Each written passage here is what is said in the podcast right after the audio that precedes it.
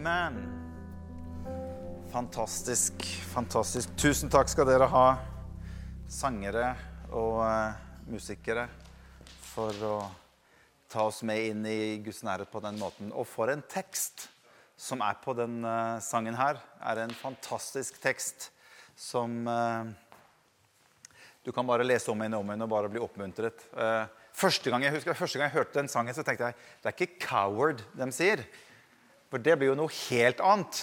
Men så fant jeg ut at nei, det er 'covered', som er litt annen betydning enn 'coward'. Så det er, litt, det er mye bedre, det. Eh, takk for sist. Eh, godt å være tilbake igjen. Eh, takk til Rune, som delte forrige søndag. Fantastisk fint budskap av, av, Rune. Og det er så bra å ha så mye flinke folk. Og alle teknikere og sangere og musikere og som, alle som er her torsdag etter torsdag, som får dette til å gå rundt. Det er bare en kjempe, kjempestor takk til, til alle dere. Jeg skal dele noe med dere i, i formiddag. Eh, litt enklere budskap, men veldig viktig budskap. Så jeg tror her er noe for liten og noe for stor. Så jeg skal ta utgangspunkt i Hebrebrevet kapittel 12. Vi skal lese to skriftsteder. Hebrebrevet kapittel 12 og fra vers 1. Og så skal vi lese fra første Samuels bok etterpå. Men vi skal først lese det som står i Hebrebrevet kapittel 12 og fra vers 1 til 2. Der står det Når vi har en så stor sky av vitner omkring oss, så la oss legge av alt som tynger, og synden som så lett fanger oss inn, og med utholdenhet fullføre det løpet som ligger foran oss.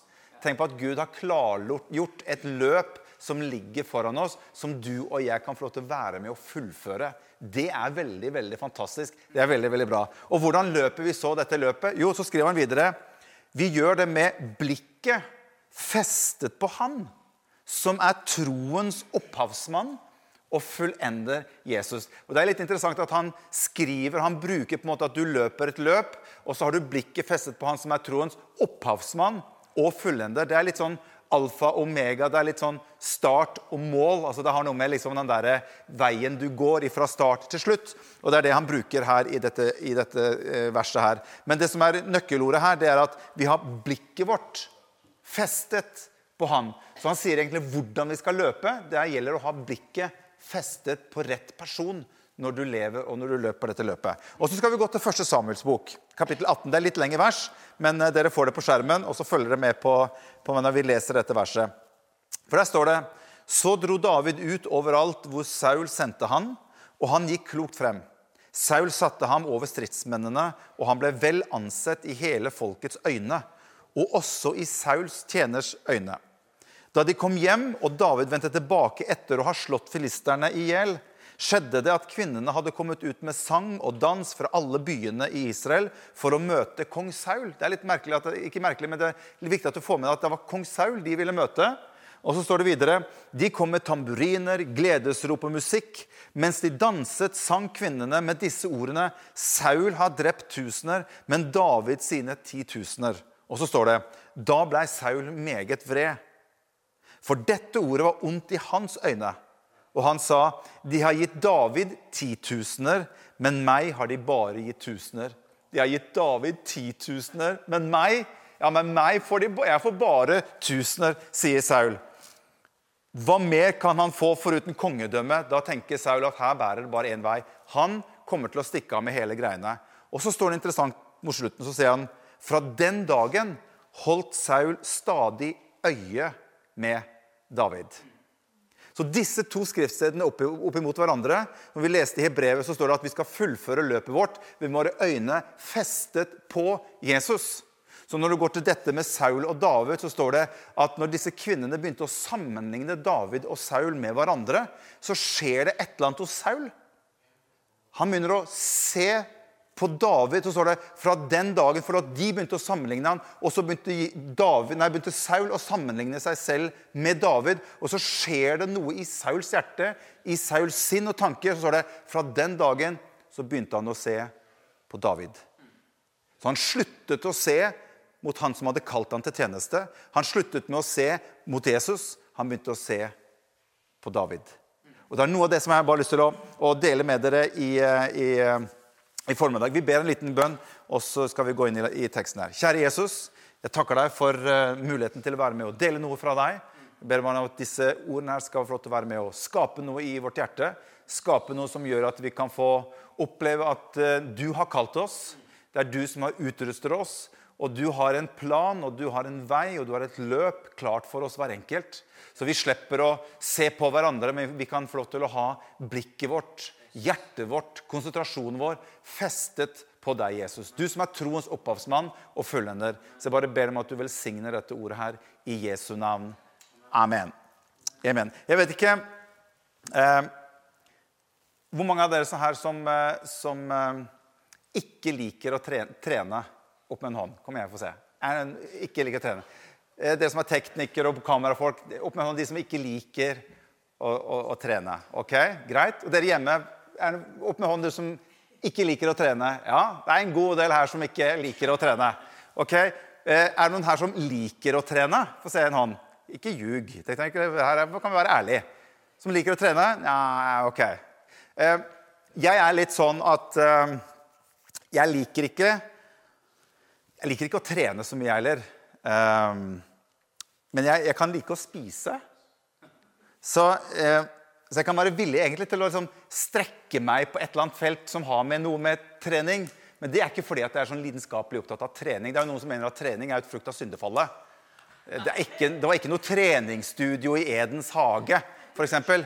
Der de der var alt bare så fullkomment. De slapp å trene. Og det, det, står om at de gikk naken og uforskammet rundt i Edens hage fordi at alt var bare perfekt. Du trengte ikke å trene noen ting. Så jeg tenker at det syns jeg høres egentlig veldig, veldig, greit ut. Så trening har med syndefall å gjøre. Men eh, jeg, kan, jeg, kan, strekke meg litt. Og hvis du spør eller Jeg hører noen som spør liksom at ok, hvor mye trener du, Morten? Jeg trener ikke så mye, men kan, jeg kan løpe litt. Og i og med at du spør, så, så har jeg eh, lagt bak meg 140 mil det siste året på 220 løpeturer. Så i og med at du spurte, så kan jeg liksom bare slenge det ut sånn. Så kan du regne litt selv på, eh, på, eh, på akkurat det. Men en ting jeg ikke liker, det er å stå på tredemølle og løpe på tredemølle. Jeg vet ikke om noen av dere tenker at det er veldig kult, men jeg syns det er fryktelig kjedelig. Inntil jeg vet ikke om noen kjenner seg igjen, noen av dere som er hjemme kjenner det igjen. Inntil hvis du står på en tredemølle, og så kommer det en på høyre side og kanskje en på venstre side. Da skjer det noe det er et eller annet som skjer bare i rommet. liksom, for jeg begynner å gå på TV. Og det er utrolig hvor interessant det er å følge med på skjermen til de på venstre og de på høyre side. Litt sånn ok, Hva er farten til den som står på ah, ja, ok, og, og da, liksom, da, da, begynner det å spille litt, og da, da, da skrur jeg opp liksom tempoet. Ja, der, ja, da legger jeg meg litt over her. Og så hvis de da til venstre eller høyre begynner å skru opp liksom den der, at du kan ha sånn, sånn stigning på, på tredemølla Ok, her på fire, ja. Skal vi se, jeg setter den på fem. sånn der. Og, så, og, og, og da, er den, liksom den psykologiske krigføringen i gang der. Og den, den, den, kan jeg være villig til å ganske, strekke meg ganske langt for å liksom vinne den. Og hvis de går av tredemøllen, så bare skrur jeg opp farta litt ekstra på slutten der. Bare for å markere liksom en sånn skikkelig sånn der ja, Vet ikke om noen av dere kjenner dere igjen i det, men jeg, jeg tror mange som, som, er på tredemølle, kan kjenne seg i, igjen. Det som er poenget her, det er at vi har veldig lett for å begynne å sammenligne oss med andre rundt oss. Og vi som mennesker har veldig lett for å fort sammenligne oss med andre mennesker. Og jeg tror at det er noe av den ondes største og sterkeste og beste strategi. Det er å få oss som mennesker til å begynne å sammenligne oss med andre mennesker. Det var det, det, var det den onde falt for selv når han var i himmelen. Det står om at han ønsket å bli Gud lik. Og det ble hans fall. Og nå ønsker han å få alle mennesker, om du er troende eller ikke-troende, så ønsker han å spre en slags form at vi begynner å lette å sammenligne oss, og vi ser på andre. Og jeg, tenk, jeg delte noe av dette her på, på Puls. Eh, og, og, jeg tenker at i dag, med de sosiale medier som vi har i dag, så er det en ekstrem høy hva skal si, faktor av det å samle. Og se på hun, ja og se på han, og se hva de har fått, og se hva han har kjøpt seg, og se hvordan hun ser ut, og se på den nye jakka han har fått, og bla, bla, bla. Og så sammenligner vi oss, og vi sammenligner oss. Og jeg mener at det er veldig, veldig farlig å sammenligne seg. Og jeg har skrevet her det dreper din glede, og det dreper din trygghet Det tar fra deg din trygghet fra det livet ditt, og du vil aldri bli fornøyd. Det å sammenligne seg med andre tar fra deg muligheten til å kunne bli happy i ditt eget liv. For uansett så vil det alltid være noen et eller annet sted som på en måte er litt bedre eller ser litt bedre ut. Det er så det er så feil. Og, Paulus han skriver det i 2. Korinterbrev, kapittel 10, og vers 12. Da snakker Paulus om faren med å sammenligne seg med andre mennesker. Han sier det at de som sammenligner seg med hverandre, er ikke vise, sier han. Det ordet 'vise' betyr egentlig, er egentlig idioter. Det, er egentlig, det står 'idiotas' eh, på gresk. eller et eller annet sånt nå. Det er egentlig det som står på grunnteksten der. Og så har vi oversatt med et litt sånt fint ord 'er ikke vise' eller 'er ikke smarte'. Hvorfor ikke det? Jo, fordi at når vi sammenligner oss med andre mennesker, så tåkelegger vi det som Gud har for deg og meg. Vi mister synet av det Gud hadde tenkt, og det Gud ønsker for deg og meg, med å sammenligne oss og dra blikket bort vekk ifra Han som er troens opphavsmann, og Han som er vår fullender. Vi er kalt til én ting i livet vårt. Det er at vi skal få til å se på Han. Og når vi ser på Han, så kan Han få lov til å fortelle oss hvem vi er hva vi er gode for, hvor høyt han elsker oss, hva han har bruk, til, bruk oss for i livene våre. Og det er det som skaper en trygghet og et fundament i livene våre, som gjør at vi kan få lov til å oppleve at han kan gi oss denne si, gleden i livene våre. Om du, om du ønsker å bli forvirret, forvirret rundt kallet ditt, begynn å sammenligne deg med andre. Det vil alltid slå feil. Gud har skapt deg og meg nøyaktig slik han har tenkt deg og meg for å fullføre det kallet som han har kalt deg og meg til. Du og jeg vi er en fantastisk utgave av det han har kalt oss til. Du trenger ikke å se til andre mennesker og tenke sånn Om jeg bare kunne være som han. Om jeg kunne vært sånn som hun. Det er ikke det Gud ønsker for livene våre. Han ønsker at du og jeg vi skal glede oss i slik som Gud har skapt deg. Han har skapt deg og meg nøyaktig. Faktisk så sier Bibelen at vi er faktisk et mesterverk som han har skapt. Efeserne kapittel 2 og vers 10 skriver For vi er hans mesterverk. Tenk på det. Skapt i Kristus Jesus til gode gjerninger som Gud på, ferdig, Gud på forhånd har gjort ferdig for at vi skal kunne vandre i de. Som Gud på forhånd. Så han har faktisk vært ute før deg og meg. han og gjort ting klart for at du og jeg skal få lov til å kunne vandre i det som han har planlagt for deg og meg. Vanligvis er det jo sånn at med konger sånt, så er det sånn at man, man sender jo ut noen som kan, liksom skal rydde vei og gjøre det klart for at kongen kommer. Vår konge han har gjort det motsatt. Han har gått foran oss. Og så har han banet og ryddet og gjort klart, slik at når vi kommer, så er, er ting ferdig. For vi er, vi, er vi er, hans mesterverk skapt i hans bilde for å være med og leve det livet som han har kalt oss til. Amen. Jeg synes det er veldig bra. Og hva er nøkkelen til dette? Nøkkelen er å holde øynene festet på Jesus i livene våre. Jeg vet ikke om dere har lagt merke til når de løper sånne 100 meter eh, på, på, på friidrett, så står de ved siden av hverandre. Og legg merke til at når de starter, når de sier 'klar, ferdig, gå', med det samme de er på og løper. Det første de gjør, hva er det for for noe? De løfter blikket for å se på han til venstre eller hun til høyre. Absolutt ikke. De fester blikket rett fram. Det siste de skal gjøre, er å begynne å se på sidemannen sin. Gjør du det, så kommer du til å krasje. Det er, en, det er bare en, sånn, sånn, er det når man løper på bane. Det er at jeg fester blikket mitt der framme. For oss blir det et bilde at vi fester blikket vårt på Jesus i livene våre. Og vi sier, 'Jesus, jeg ønsker at du skal være fokus i mitt liv.' Og jeg tenker, Det trenger ikke bare være mennesker vi sammenligner oss med. Det kan hende at vi tar våre øyne vekk fra Jesus på andre ting som dukker opp i livene våre, som gjør at vi fester mye tid til, eller vi fester vårt blikk til, som skaper noe som gjør at den tiden vi skulle hatt festet på Han, så tåkelegger vi noe av det Han ønsker å gi oss og vise oss, og vi kommer litt på avstand, og vi kommer litt vekk ifra det Gud ønsker for ditt og mitt liv. Og det er det som skjer her med Saul. Saul begynner å se på David når han er konge selv. Og Det var da det startet hans altså nedturen for Saul. Saul var jo egentlig en fantastisk fin konge, han, på mange måter. Israels første konge. Han, eh, det er litt morsomt å lese om Saul, for at Saul han får veldig bra kritikk på, på, på utseendet sitt. og Det er liksom rart at Bibelen snakker av og til med, liksom, med utseendet til folk. Men Saul har faktisk skriften på det. Det er, det er ikke så verst. Bare se hva som står i 1. Samuel kapittel 9, vers 2. Der står det faktisk at eh, husker ikke hva faren til, til Saul het. om det var Jeg husker Kars et eller annet Jeg husker ikke om dere vet om jeg husker hva faren til Saul het. Nei. Men det står at han hadde en sønn som het Saul, som var ung og pen. Det er bare Skriften som sier det. Det fantes ikke noen som var penere enn ham blant Israels barn, står det om kong Saul. Skuldrene, skuldrene, hans raget høyere enn noen andre i folket. Så det var ikke noen som kunne komme til Saul og si at du, du ser jo ikke ut Se ikke ut. Les Skriften sjæl, du, liksom. Her står det svart på hvitt ifra Skriften. Sånn hadde Saul det. Så utgangspunktet for Saul var jo veldig bra inntil han begynte å se på seg selv.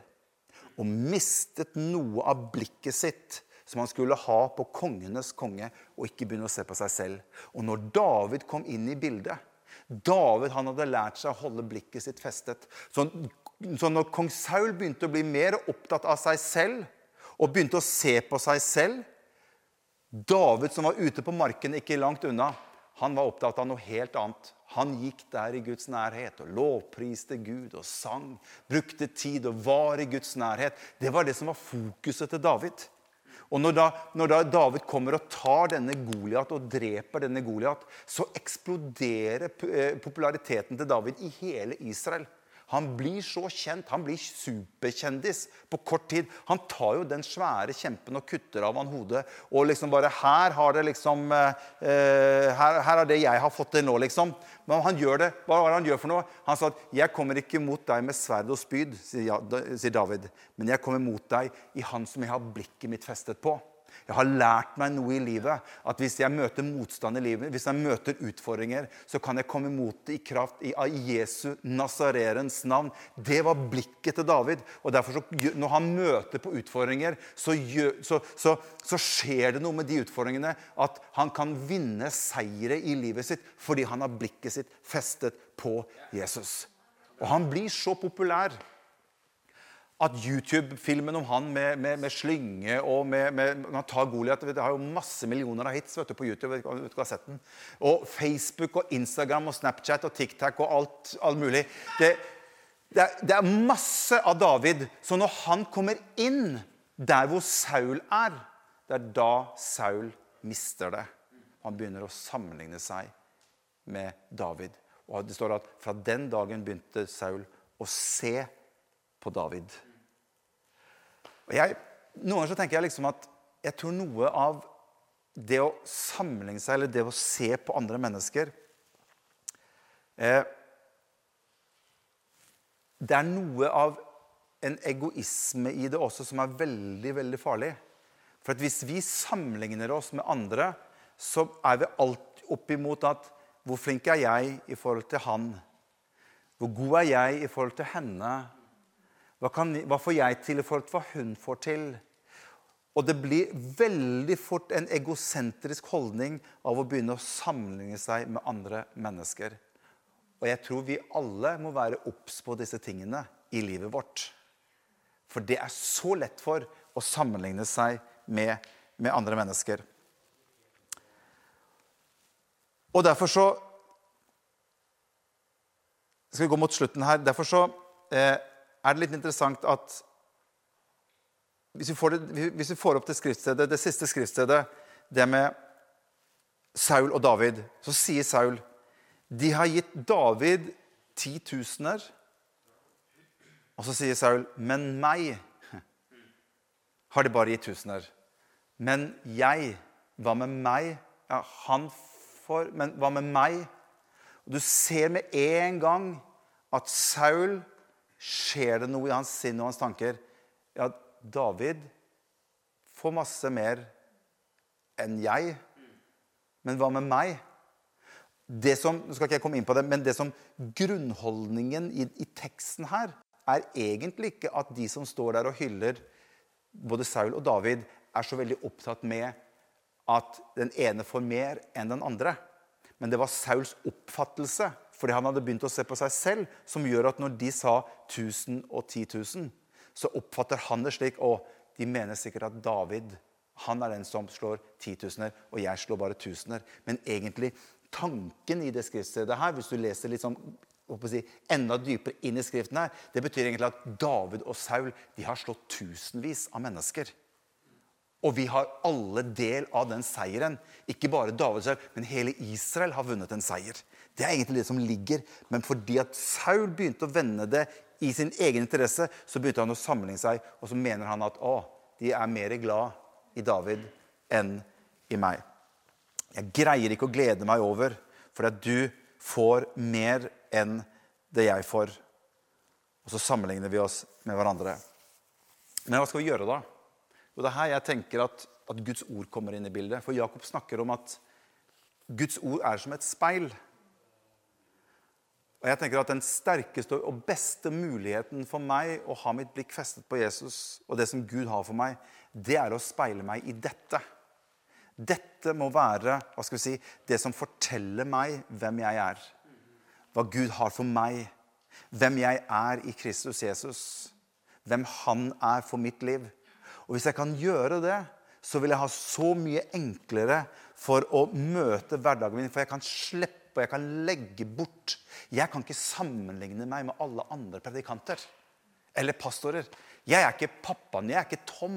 Jeg kan ikke begynne å gå inn og kopiere han. Jeg må være meg. Jeg må være den som Gud har kalt meg til å være, med de gaver jeg har. Og så ønsker jeg å ha blikket mitt festet på han. For når jeg har blikket mitt festet på Jesus, da kan hans mulighet gjøre seg gjeldende gjennom mitt liv. Det var pga. at David hadde blikket sitt på Jesus at han greide å slå denne kjempen. Det var ikke fordi at David var så spesiell i seg selv. Nei, Han hadde blikket sitt festet rett sted.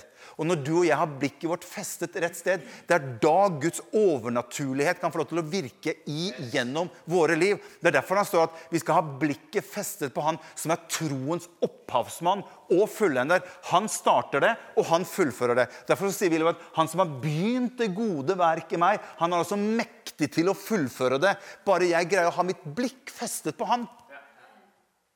Så når Peter går på vannet Vi kan, begynne, vi kan spille litt, og så skal vi gå til, mot avslutning. Når Peter går på vannet, så er det fordi at Peter ser på Jesus at han kan gjøre det overnaturlige og faktisk gå på vannet. Det er ikke fordi at Peter er noe spesiell. Absolutt ikke. Han er jo veldig likende kar. Men han så på Jesus. Og når Jesus kaller på Jesus til å komme, så går Jesus på det kall som Jesus har for Peter der og da. Han begynner sitt løp på en måte der og så har han blikket festet på Jesus. Og legg merke til at det står at med en gang Peter begynte å se vekk ifra Jesus, så står det da begynte Peter å synke. Så når han begynte å se på seg selv, eller han begynte å sammenligne seg med andre eller andre ting, når fokuset fra Jesus begynte å gå vekk, da begynte Peter å synke. Derfor står det at han som er i stand til å gjøre langt utover det vi ber å forstå ham om, det er han som virker i livene våre.